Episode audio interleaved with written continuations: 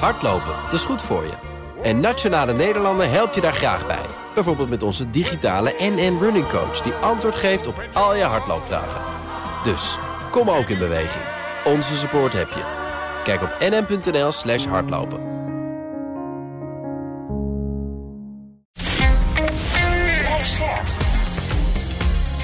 BNR Nieuwsradio. De AEX-factor. Wesley Weerts, Jelle Maasbach. Welkom bij de AX Factor, de podcast voor de slimme belegger. Elke week een nieuwe gast die je bijpraat over beurzen, beleggen en vermogen opbouwen. En de gast van deze week is Koen Bender van Mercurius Vermogensbeheer. Goed dat je er bent. Ja, verstand van beleggen en van mooie auto's. En dat uh, komt goed uit, Koen, want we hebben het over Porsche. Dat wil met gierende banden naar de beurs ondanks de recessievrees, ondanks die stijgende rente. Binnen een maand moet de beursgang een feit zijn. De waardering die wordt geschat op eh, maximaal 85 miljard euro. En het is daarmee de grootste Duitse beursgang in jaren. Uh, Koen, waarom wil Porsche zo graag naar de beurs? Nou ja, Porsche kan, uh, kijkt natuurlijk al langer met uh, uh, veel jaloezie naar datgene wat Fiat met Ferrari heeft gedaan. Wat een zeer, zeer succesvolle IPO is geworden. En ja, ik denk dat Porsche, of in dit geval Volkswagen, kijkt naar hoe kunnen we meer waarde ontsluiten. En de waarde van de, van de toch de, de premium brand Porsche ja, is, is meer uh, als standalone dan uh, datgene wat uh, Volkswagen aan, aan, waarde kan hebben. Dus het, het, feit dat ze nu een deel naar de beurs gaan brengen, zorgt ervoor dat ze een hele mooie ja, cash-in gaan hebben. Mm -hmm. Tot en, daar aan toe is het ook best wel een begrijpelijk verhaal. Maar ja, tegelijkertijd, jullie zijn net, recessievrees, stijgende rente. Ja. Waar, van waar die haast dan nu per se? Ja, ik denk dat ze nu wel het moment proberen te pakken. Uh, het is al een tijdje voorbereid. En ik denk dat, uh, ja, de, waarom die timing er nu ligt, dat, uh, dat durf ik zo niet te zeggen. Maar ik denk dat ze gewoon nu alles tezamen willen gaan pakken. en ja, de appetite zal er wel nog zijn. Ja. Maar moeilijker misschien. En jij zei net, op zichzelf is het misschien een sterker merk. Um, waarom is het ja, op eigen benen succesvoller, denk je? Nou, je ziet dat, dat deze merken, hè, Volkswagen is zo groot, uh, terwijl de, de, de, de echte targetgroep voor Porsche en de beleving eromheen, ja, dat is, dat is wat meer een, uh, ja, kun je een exclusiever merk omheen bouwen. En, en dus kun je dat ook gewoon heel makkelijker, veel makkelijker vermarkten, ook aan de financiële kant als aandeel, uh, dan dat je dat onder de grote vlag van Volkswagen laat hangen. Was misschien een beetje een vreemde eind ook in die Volkswagen groep. nou ja, uh, ik denk dat het. Uh, ja, het is wel inderdaad een apart kevertje. Maar ik denk dat je als je. Ik, het, Volkswagen is natuurlijk opgebouwd uit heel veel van dit soort merken. Laten we niet vergeten, ze hebben ook Lamborghini, ze hebben ook nog uh, Bugatti. Uh, er zitten zoveel bijzondere Zijn dingen in. potentiële IPO-kandidaten? Nou ja, ik denk dat veel meer de vergelijking zou kunnen opleveren met een Ferrari. Mm -hmm. Maar dan zou je het wel als, als echt als standalone moeten hebben. En ehm, kijk, Porsche heeft een hele, hele duidelijke doelgroep. Hè. De, de posters op de kamers die er hangen. Maar heeft zich in de afgelopen jaren natuurlijk al gigantisch verbreed. Daar waar het, uh, ik denk, uh, nou, hoe lang zal het zijn geleden dat ze alleen nog de 911 hadden? En daarna zijn er natuurlijk steeds meer modellen bijgekomen met een hele brede uh, range. En, en daar waar Ferrari begint bij 3 ton, houdt Porsche zo'n beetje ja, hele exclusieve modellen daar gelaten. Maar de gemiddelde prijs van een Porsche is, is een heel stuk lager. de totale uh, productie van Ferrari, dat evenaart uh, Porsche met de Taycan.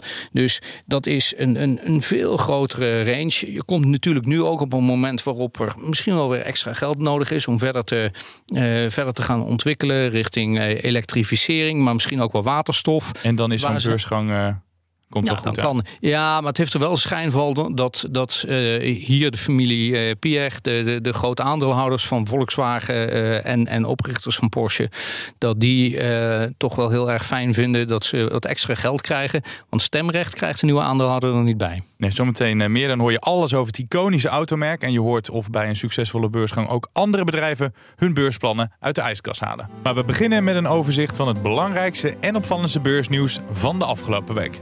Shell krijgt een nieuwe topman. CEO Ben van Beurden die stapt op. Van Beurden was negen jaar lang de CEO van Shell. Onder zijn leiding verhuisde het hoofdkantoor van Shell naar het Verenigd Koninkrijk. Van Beurden vertrekt over ruim drie maanden. En hij wordt opgevolgd door Wael Sawan. Na zijn aftreden blijft Van Beurden overigens nog zes maanden aan als adviseur. Klein tegenvalletje voor Shell en Companen. De Europese Commissie die wil de winst van energieruizen afromen om noodhulp voor de energiecrisis te financieren. Beleggersvereniging VEB sleept Philips voor de rechter. Het wil 16 miljard euro hebben. Volgens de VEB heeft Philips patiënten en beleggers stelselmatig verkeerd voorgelicht over alle problemen rondom de slaapapneuapparaten. Philips heeft het pas in 2021, dus zes jaar daarna, naar buiten gebracht. En dat is veel te traag. En als ze dat eerder naar buiten hadden gebracht, hadden het kunnen voorkomen dat beleggers op te hoge, kunstmatige koersen aandelen hadden gekocht. Aandeelhouders van Twitter die hebben gesproken. Ze keuren de overname door Elon Musk goed, terwijl ja, Musk zelf die overname niet meer ziet zitten. Of course, whether or not he does indeed buy the company, Brian, depends on what happens at the trial between Elon Musk and Twitter, which is set to start on October 17th.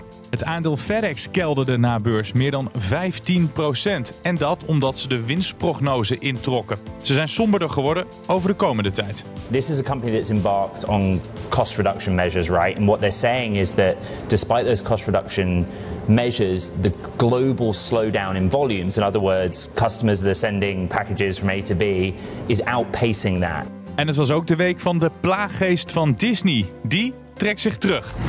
Ja, met die plaaggeest bedoel ik niet een nieuw eh, Disney-sprookje, maar dan hebben we het over Daniel Loop, een bekende activistische belegger. Hij zette een paar weken geleden de boel op stelte bij Disney. Sportzender ESPN moest afgesplitst worden, zei hij. Maar hij komt daar nu ineens op terug, want hij kan zich toch vinden in de toekomstplannen van Disney. Koen, hij is in één keer van mening veranderd. Hoe kijk jij daarna? Het is wel opmerkelijk, want uh, hij had hele goede argumenten waarom hij vond dat dit als standalone ja. moest gaan. Uh, jammer is dat Daniel Loop uh, zich ook heeft onthouden van commentaar op uh, zijn, zijn klapgrijp die hij gemaakt heeft. Ehm, maar ehm, Disney heeft er heel veel aan gedaan om toch meer op de radar te krijgen waarom ESPN toch een goede propositie zou kunnen zijn. En uh, hier gaat het over streaming. Hè. De ESPN heeft vooral sportrechten die, ze, die, die heel interessant zijn. Alleen het aantal uh, abonnees neemt af. Het is een ontzettende vechtersmarkt waar je tussen de Apple Plus, de Amazons, de, de Netflix. Uh, nou, it's, it's, it's pretty, pretty busy out there. Um, en tegelijkertijd, die sportrechten die worden steeds duurder. Ja. Uh, dus ja, één uh, punt waarvan je zou kunnen zeggen van nou daar en, en daar, daar hamert Disney ook op. Hè. Ja, wij hebben dan ook de unieke mogelijkheid om het uh, wedden op uitslagen van sportwedstrijden of allerlei andere dingen, hè, de, de gambling te gaan doen. Ja, maar gaan ze dat ook doen? Want past dat wel bij het Disney-concern? Want dat was wel misschien een terecht punt van die Daniel Loop. Die zei, ja. dat past niet echt bij de Disney-familie. Bij het beetje het keurige, bravige imago. Ja, oh, kijk, over, over, op, op uh, Dagobert Duck en de zware jongens na... Is, is Disney natuurlijk heel erg vriendelijk en aaibaar. Ja. En uh, daar hoort niet bij dat je dat je, je inlaat met, uh, met gambling. Sterker nog, vanuit een ESG-oogpunt... Hè, waarbij je let op hoe bedrijven omgaan met de maatschappij. Ja, wil je daarbij in gokbedrijven zitten? Ook al is dat dan gokken op sport en niet zozeer in een casino. Ja, ik denk dat dat uh, uiteindelijk niet de juiste manier is om, uh, om dat te gaan zoeken. Maar uh, de reden waarom nu Daniel Loop uh, heel snel van mening is veranderd, ik denk dat hij een heel terecht punt had door te zeggen van goh, dit bedrijf moet je buiten boord brengen en, en niet, niet onder de vlag van Disney opereren. Maar misschien heeft hij zich een beetje laten ompraten door die Disney-CEO die zei... Bob Chapek is dat van, ah, we gaan een winstmachine maken van uh, ESPN. En de resultaten van Third Point van Daniel Loop zijn ook niet om over naar huis te schrijven... dat hij alles bij elkaar dacht, laat ik eieren voor mijn geld kiezen. Ik neem nou ja. met dit genoegen. Dus een beetje... Dat, dat zou kunnen. Kijk, uh, time will tell. Als, als we over uh, twee weken de mededeling krijgen dat Daniel Loop een positie heeft opgebouwd in een totaal ander bedrijf. En daar zijn positie bij Disney uh, over ten gelde heeft gemaakt. Ja, dan hebben we het antwoord op de vraag die we nu stellen. Ja. dus daarin is misschien zijn aandacht verschoven. Maar als je mij vraagt, van, wat, wat, wat vind je van de koerswijziging van Disney om het nu zelf te gaan exploiteren en dan met name in te gaan zetten op, op gambling. Dus nou, ik, eh, dat vind ik een verkeerde gok. Daniel Loop zat ook in, uh, in Shell. En dat is een mooi bruggetje naar mijn uh, compa Wesley. Want Shell verliest een van zijn langzittende CEO's. Na negen jaar vertrekt Ben van Beurden. Hij wordt opgevolgd door de Canadees Wael Sawan. Ja, kennelijk was dit de man met de beste papieren. waarom denk je, Koen? Nou ja, dit is. Uh, er waren twee hele goede kandidaten. De andere was een Nederlander die, die, die BG ook, dus het, het, de gasdivisie heeft geleid. Ja. Ehm, ik denk dat deze man een paar hele goede kwaliteiten heeft. De mensen die met hem werken of gewerkt hebben, die, die roemen hem allemaal om, om, om eigenschappen. Maar anders kom je natuurlijk ook niet zo hoog in de top van, van dit bedrijf. Hij zat al in de raad van bestuur. Extreem ambitieus, straatvechten hoorde ik, las ja, ik in ik denk, profielen. Ja, ik denk dat dat er een paar dingen zijn. Hij heeft uh, succesvol de. Uh, hij heeft niet alleen een Canadese nationaliteit, maar ook uh, volgens mij Libanees. Libanees. Ja. Hij heeft een hele lange tijd in het Midden-Oosten gezeten. Hij heeft in Qatar een belangrijke operatie voor Shell geleid. liquefied gas. Dat is denk ik heel belangrijk. En niet op de laatste plaats, alhoewel hij dat maar kort gedaan heeft heeft hij leiding gegeven aan de renewable divisie van, van Shell. En als je kijkt naar.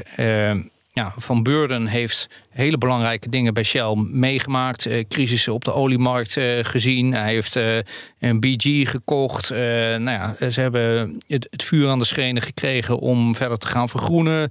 Met allerlei ambitieuze doelen die zij als eerste oliemaatschappij gesteld hebben. Maar die waren toch niet hoog genoeg. Mm aan deze man de, de, ja, de nobele taak om uh, Shell ook naar die lagere doelen in emissie te gaan leiden. En dat, eh, dat wordt natuurlijk wel een hele, uh, hele belangrijke opdracht. Um, ja, want wat, wat voor bedrijf treft hij aan dan op dit moment, als je kijkt naar, naar Shell? Nou ja, hij heeft, hij heeft een, hij, ik denk dat hij treft een bedrijf aan uh, dat in transformatie is, waarvan die transformatie eigenlijk sneller zou moeten gaan dan dat hij op dit moment gaat.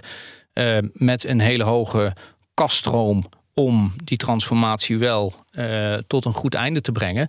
Maar ook wel redelijk veel, veel uitdaging. als je kijkt naar de speech van Van der Leyen dit, dit, dit weekend of deze week dat de, de, de energiemaatschappijen mee moeten gaan betalen middels een extra winstbelasting om de pijn voor de consument aan de energiemarkt om die eh, te verlichten. Mm dan kun je, kun je zeggen van ja, Van Beurden is een genie dat hij Shell een Brits bedrijf heeft gemaakt vlak voordat dat uh, gebeurde en daardoor de dans ontspringt. Ik denk niet dat de Shell daarmee weg kan komen of weg zou moeten willen komen. Maar dit zijn weer nieuwe uitdagingen waar we een jaar geleden absoluut geen rekening mee hadden gehouden. En, en uh, ja, dat blijf je aantreffen. Dit soort. Uh, ja, het is natuurlijk een, een multinational van, van heb ik jou daar.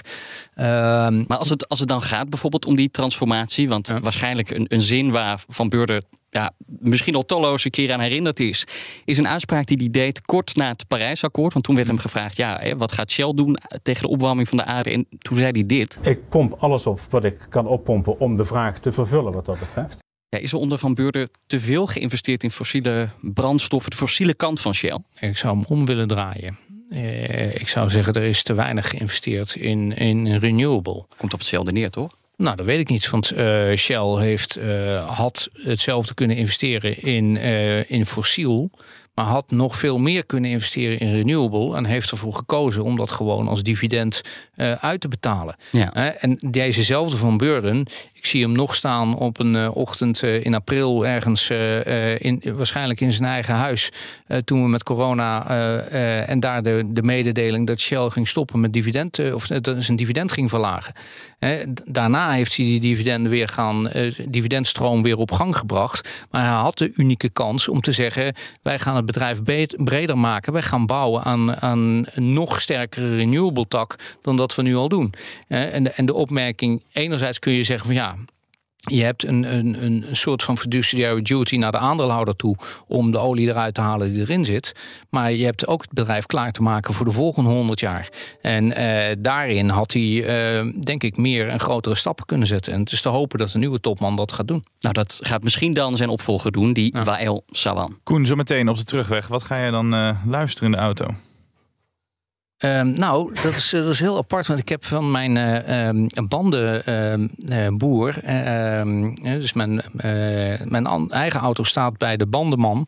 En ik heb de auto van de bandenmeneer mee, want anders was ik hier niet gekomen. Dus ik laat gewoon de radio aanstaan die, die, die, die erop staat. Maar dat is vast niet het antwoord dat jij had willen hebben. Ik dacht even dat je het over cassettebandjes ja, had. De nee. bandenman.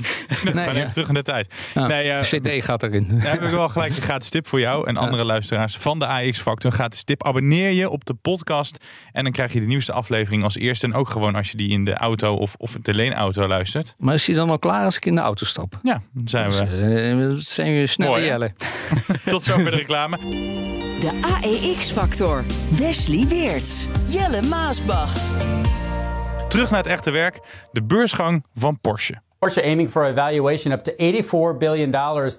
That would equal the entire market cap of Volkswagen, twice the market cap of Ferrari. Now, the bull case here is that Porsche, like Ferrari, is really a luxury brand and should get a luxury multiple. Porsche projecting sales of up to 39 billion this year, margins of over 25%. That is massive. Ja, massive. Marges van meer dan 25%. Is dat dan de reden dat beleggers watertanden, ondanks de misschien wat gekke timing? Nou ja, watertanden. Uh, kijk, onder de autoliefhebbers is uh, hetzelfde als het aandeel Ajax onder de voetballiefhebbers. Um, ja, maar hier wordt ook wel echt geld mee verdiend. In tegenstelling tot, uh, tot voetbalbedrijven. Uh, nou ja, dat, dat, dat zeg je nu. Maar ik, uh, ik kan me ook nog de periode herinneren dat de winst van Porsche vooral kwam uit de valutahandel die ze deden. en dat dat ze bijna aan de rand van de afgrond heeft gebracht. En zo zijn ze uiteindelijk terechtgekomen in, in de grote, grote garage van, van Volkswagen. Ja, en omdat en zij ze... probeerde Volkswagen, de grote David probeerde Goliath ja. over te nemen. Dat was ja, misschien ook niet zo'n dat was een huge gamble. Ja. Hè? Dus in het verleden, uh, ja, het management van Porsche heeft niet altijd zich gefocust op het maken van, van die auto's, maar heeft uh, hele andere risico's uh, genomen. Natuurlijk, het is, een, het is een zeer aansprekende titel. Het is een fantastisch luxe merk, wat altijd in staat zal zijn om een premie te krijgen voor, voor zijn producten. Dus het zal altijd een hogere marge aandeel binnen de automobielindustrie blijven. Maar om nou te zeggen dat het altijd een must-have in de portefeuille is, dat, dat vind ik wat uh, te kort door de bocht. Maar toch die klinkende cijfers. En zeggen ze ook in tijden van recessie is dit zo'n luxe goed dat wel wordt gekocht. Ben je het ermee eens? Is het een soort van zekerheidje in tijden van, van recessie? Voor Ferrari zou ik dat wel zeggen. Voor Bugatti zou ik dat zeggen. Voor Lamborghini zou ik dat zeggen. Maar om, als je kijkt naar de productieaantallen van, van, van Porsche, ja. Ja, die zijn zo hoog dat je. Uh, en, en daar zitten ook de mensen bij die, die, die net naar die status toe gaan dat ze hem kunnen kopen. En dan als eerste een Porsche kopen. Maar de vraag is of dat, zo, of dat zo blijft als je een recessie ingaat. En of Porsche dan ook niet last gaat krijgen. Kijk, met een wachttijd bij Ferrari van twee jaar voordat je een auto kan, eh, kan, kan gaan ophalen bij, bij Kroijmans of bij Cito. Ja, dat is natuurlijk wel een hele andere leak dan, uh, dan bij Porsche. Waarbij je hem toch relatief snel kan hebben. En uh, ja, ten opzichte van Volkswagen en ten opzichte van Ford zal het een premie hebben. Maar ten opzichte van een Ferrari en, en, en de, de, de echte hele luxe merken, de, de, de, de GT40 van Ford, ja, dan denk ik het niet. Maar je bent gematigd enthousiast, als ik het zo mag omschrijven, over die beursgang van Porsche. Hoe kan het bestuur van Porsche jou en andere twijfelaars dan toch over de streep trekken om te investeren in deze beursgang? Nou, kijk, ten eerste. Um, eigenlijk wat je bij Porsche krijgt, eh, het aandeel is een soort van automaat. Ja? Um, je hebt namelijk niks zelf te schakelen. Er zit geen stemrecht op het aandeel. Er wordt slechts 10% van het bedrijf naar de beurs gebracht. Dus het is vooral ook een waardering. Wat je hier vooral doet, is uh, een, een, plezier geven aan de familie Pierre. Die uh, uh, deze aandelen naar de beurs toe gaan brengen. En, en ik, ik denk dat als je met een aandeel echt voor de lange termijn ook zeker wil zijn dat je eh, ja, dat je invloed kan uitoefenen op de koers van het bedrijf en eh, er ook al eh, het, het management ter verantwoording kan roepen, dan heb je stemrecht nodig. En in dit geval heb je helemaal geen stemrecht en je hebt ook geen, geen free float, want er gaat maar eh 10% naar de beurs, dus 90% blijft. Dus Meestal- al zou je stemrecht hebben, dan nog verlies je alles. Meestal wel een red flag. Als je geen stemrecht hebt. Ja, ik, ik, vind dat niet, ik vind dat niet de, de, eh, de, de parameters waaraan een eh, een belegging moet voldoen. En dan kan het best zijn dat eh, Porsche een hele mooie rit gaat maken. Ongetwijfeld. Maar eh, ja, er is meer voor nodig om een goed aandeel te zijn dan alleen een fantastisch merk en een fantastisch product. Maar toch trappen beleggers, om dan in autotermen te blijven, toch vol op het gaspedaal. Dus waarom doen ze dat dan toch? Als ze eh, geen stemrecht en dergelijke hebben. Ongetwijfeld zal het met deze marktkapitalisatie, komt het ook in, eh, in indexen terecht, komt het in eh, beurzen terecht. Nou, dan, dan ben je al heel snel, wordt er wat opgenomen. Dan, zeker als je maar een free float van 10% hebt, dan wordt er veel, eh, eh, veel van zo'n aandeel ingekocht. Het is natuurlijk ook een aandeel waarvan mensen zeggen van wauw, dat is een mooie naam om erin te hebben. En ongetwijfeld zullen er een aantal andere partijen zijn die zeggen van nou, wij nemen wel genoegen met het feit dat we geen stemrecht hebben. Dat heb ik bijvoorbeeld bij eh, Facebook of bij Amazon of bij, bij die bedrijven ook niet. Dus lekker boeien.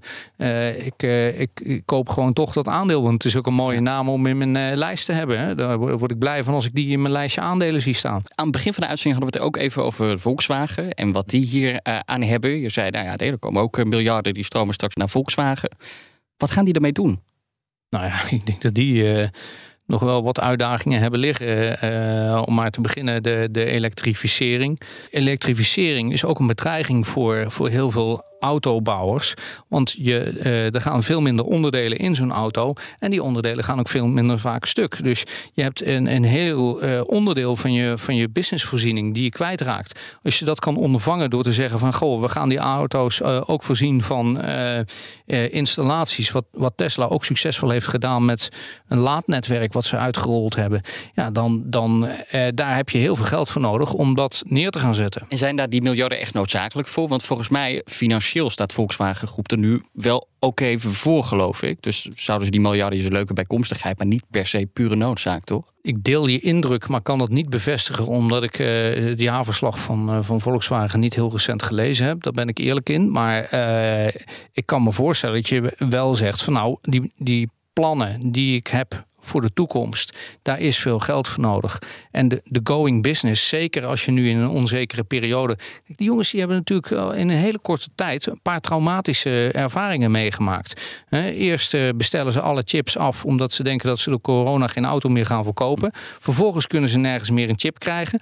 Langzaam komen die chips weer door. Zijn er geen draadbomen meer. En, en moeten ze tegelijkertijd even een impairment nemen op hun business in. In, in, in, in Rusland. Eh, dus ze hebben de ene klap naar de andere te verwerken. En tegen de tijd dat alles weer een beetje op orde komt, eh, dreigt er een recessie aan te komen. Nou, dat, dat is gewoon, hè, dan denk je van goh, we gaan elektrisch rijden, want dat is goedkoper. En dan blijkt de energie op. Maar dan, dan, dan snij je ook nog wel misschien een interessant punt aan. Want ehm, de topman van Volkswagen is dezelfde topman als Porsche. Ja. Daar zit een soort van belangenconflict. We hebben nu te maken met die tekorten. Nog Eh, een reden om het aandeel niet te kopen. Ja, maar wie, aan, wie, ja, want aan wie gaat die voorrang geven? Krijgt Volkswagen als eerste bijvoorbeeld die chips waar een tekort aan is? Of, of Porsche? Nou ja, kijk, in het, eh, wat dat betreft is het goed dat er nog 90% bij, eh, bij, bij het Volkswagen-concern zit en bij de oude aandeelhouders zit. Hè. Want eh, uiteindelijk wat ze tot nu toe hebben gedaan, is de auto's produceren waar de meeste marge op wordt gemaakt. Dus in dat geval heeft, heeft een Volkswagen Up. eh, eh, Die went, die went belly up. En ehm, de, de Porsches en, en, de, en de Audi's, die werden wel geproduceerd omdat daar een hogere marge op zat.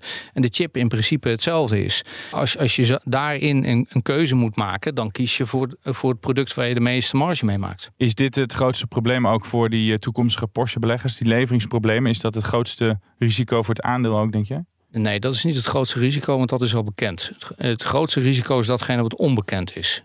Eh, dat is de Black Swan. En eh, ja, daarin durf ik nu niet te zeggen wat die zou zijn, want dan ga je echt gissen.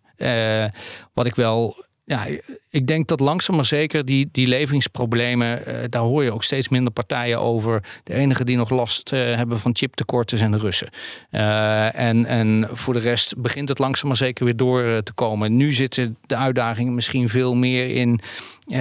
kun je in China nog voldoende eh, auto's afzetten? Of eh, eh, is er, ja, waar we het eerder over hadden, door, door watertekorten wordt er geen energie opgewekt en kun je met een elektrische auto niet meer rijden. Dus komt misschien nu weer veel meer vraag naar brandstofauto's, terwijl je wetmatig in je mix je uitstoot moet v- verlagen en, en voldoe je dan weer niet aan je doelstellingen. We weten nu inmiddels wat de plus en minnen zijn. Hè? Mm. Dus waarom, wat jij zegt, je het misschien niet moet doen, waarom je het wel zou moeten doen. Die klinken de cijfers, die marges, wat ze verkopen.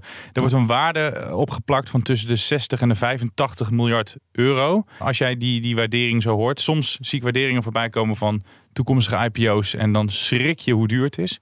Is dit duur? Nou ja, dit, dit is net zoveel als het hele Volkswagen-concern. In, in het radiofragment wat je net eh, liet, of het fragment wat je net liet horen, werden even de vergelijkingen maar gemaakt. Het is twee keer Ferrari. Ja, per auto die je, die je uitlevert, is het dan eh, een bepaalde prijs zou je er nog op kunnen plakken. Eh, ik vind het wel een hele, hele forse prijs. Eh, zeker ook omdat in de basis zijn de risico's natuurlijk hetzelfde. Of je nou een, eh, een Volkswagen bouwt of een Porsche. Eh, de marge is misschien wel hoger. Maar als je een economische tegenslag hebt, dan heb je die op beide, beide vlakken. Ja, Duitsers, zijn, Duitsers zijn altijd heel degelijk, maar het is ook niet echt in een, in een makkelijke tijd. Het is niet misschien voor een redelijke prijs. Het is wel gewaagd dat ze dit voor deze prijs wegzetten. Dus. Ja, ik, en, en, en zeker ook als je inderdaad eh, hè, datgene wat we afgelopen week ook te horen hebben gekregen, is een hele duidelijke waarschuwing van FedEx eh, dat er een, eh, een recessie aankomt. Ja. Rente zou kunnen worden verhoogd. Er gaan allerlei dingen gebeuren met, met, met, met euro-dollar. Dat is al aan de gang. Ja, dan zou het best wel zo kunnen zijn dat die markt afkoelt. En, en dat dus die waardering, het aantal verkochte auto's in, in rap tempo gaat teruglopen. Ja, dan, dan is die waardering van 85 miljard is, is te hoog. En dan moet je terug naar, eh, naar 60. Dus eh, het zou mij niks verbazen. Deze tijd is zo eh, volatiel. Ja. We hebben het nu over die IPO. Maar voor hetzelfde geld zetten ze hem nog eventjes in, de, In de ijskast. In, de ijskast, ja. En toch, we hebben inderdaad heel veel beursgangen gezien de afgelopen tijd. Bol.com was daar zo'n voorbeeld voor. Net daarvoor was het Coolblue. Dat was dan in, eh, op eigen bodem. Bedrijven die dus de beursgangen in de ijskast eh, zetten. Stel, Porsche gaat gewoon door. En het wordt een succes. Kan dat ervoor zorgen dat andere bedrijven denken... misschien moeten wij ook maar eens? Eh, ja, dat zou. eh, dit is een- zo'n grote IPO is natuurlijk ook eh, geeft ook weer hoeveel appetite er is onder beleggers. Want je hebt, je hebt ook wel een flinke schare beleggers nodig, ook al is het maar 10%. eh, om het tot een succes te maken. En ja, we zien andere partijen die ook naar de een beurs willen. Hè. Bink komt misschien weer terug door middel van een SPAC. En dit dan onder de naam Saxo, de nieuwe naam. Uh, ja, dat zal ook interessant zijn om te zien of dat gaat, uh, gaat slagen. En blijkbaar hebben ze haast, want anders zou je geen spak gebruiken. Naar welke beursgang kijk jij het meest uit? Poeh.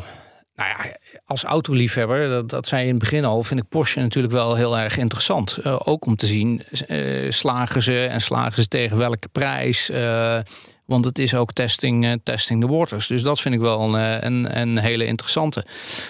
om uh, daarnaast, uh, ja, uh, Saxo vind ik ook interessant. Het is een partij waarmee wij ook zaken doen.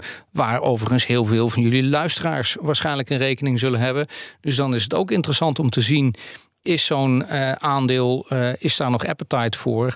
Ehm, ja, zeker in een periode waarin ze ook af en toe wat minder in het nieuws zijn geweest. Maar was er nou ook een beursgang waar je heel erg van baalde dat die werd uitgesteld? Waar je dus nu echt met smacht op zit te wachten totdat ze die plannen weer doorzetten? Nee. dat is ook ook een antwoord. Ja, eerlijker kan ik het niet maken. Hoe kan je nou toch zorgen in tijden van uh, ja, hoge inflatie, recessieangst, dat zo'n beursgang toch een succes wordt? Of, of kan je daar helemaal niks aan regelen? Nou ja, je kan er wel wat aan regelen, maar dat is vaak iets waar de, de verkopende partij en de emitterende partij weinig, uh, weinig appetite voor heeft. Uh, en dat is namelijk het verlagen van de opbrengst, het verlagen van de prijs. Ehm, het ligt er ook een beetje aan, wat is de reden waarom men naar de beurs gaat? Gaat men aan de beurs gewoon omdat men denkt dat de waardering mooi is en eh, lekker dan, eh, dan kan, ik, kan dat huis in uh, Zuid-Frankrijk kopen? Of ga je naar de beurs omdat je een commitment bent aangegaan en investering moet gaan doen en, en daarvoor wilt, wilt overnemen? Of dat je naar de beurs gaat omdat je op termijn wil gaan overnemen en dat in aandelen wil gaan doen? Dat zijn allemaal verschillende motieven waarom je een IPO kan doen.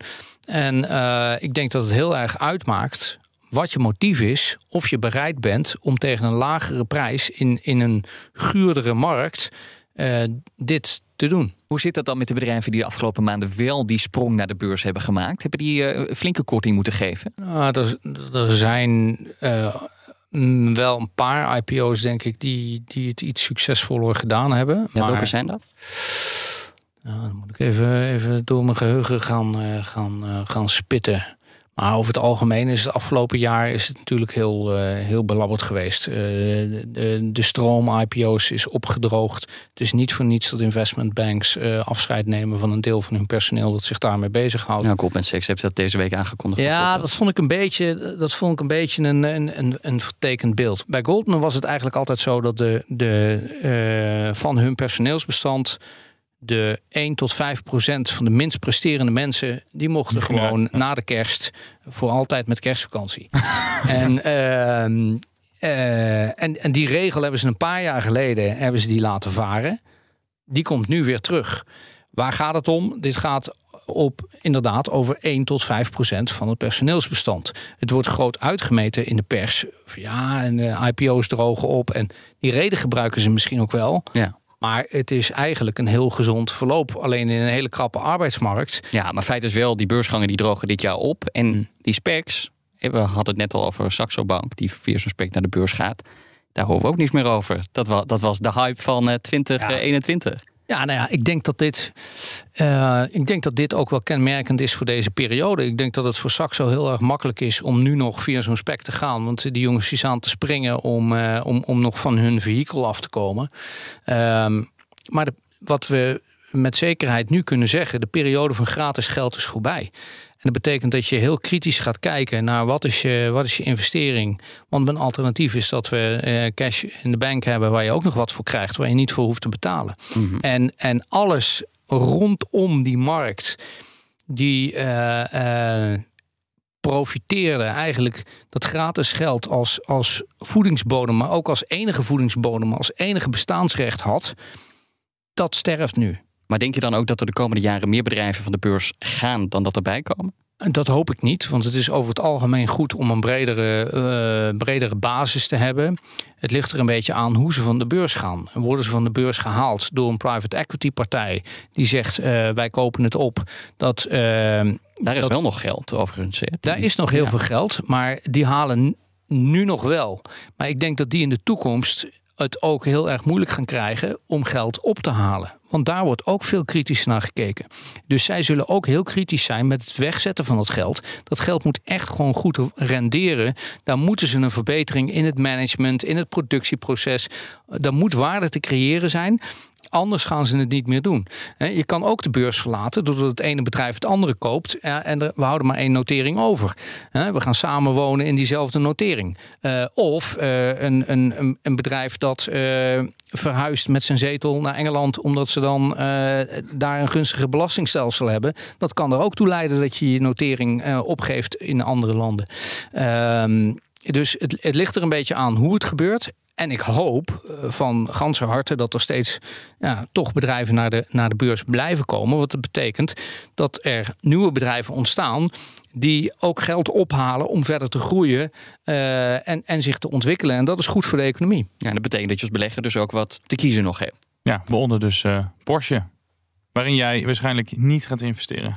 Nou, Porsche komt weer terug en ik, ik bedoel, sluit het niet uit. Uh, het blijft natuurlijk een heel mooi aandeel. Maar ik vind wel dat je heel kritisch moet zijn uh, naar, uh, naar de naam. En niet alleen te kijken naar het, naar het glimmende logo uit, uit Stuttgart.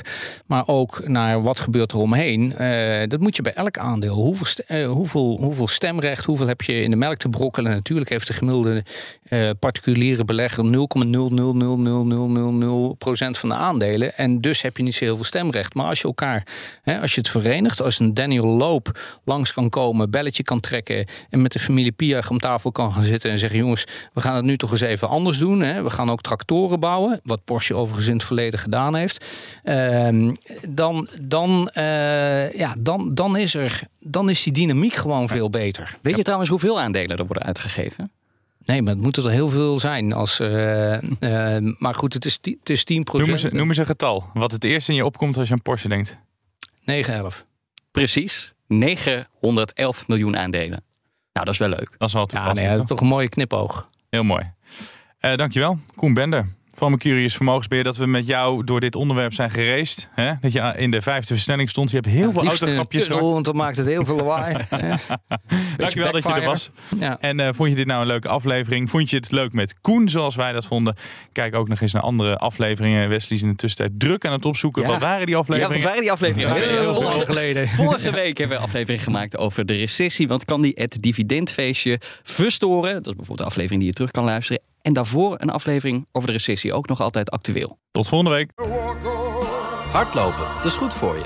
En Nationale Nederlanden helpt je daar graag bij. Bijvoorbeeld met onze digitale NN Running Coach... die antwoord geeft op al je hardloopvragen. Dus, kom ook in beweging. Onze support heb je.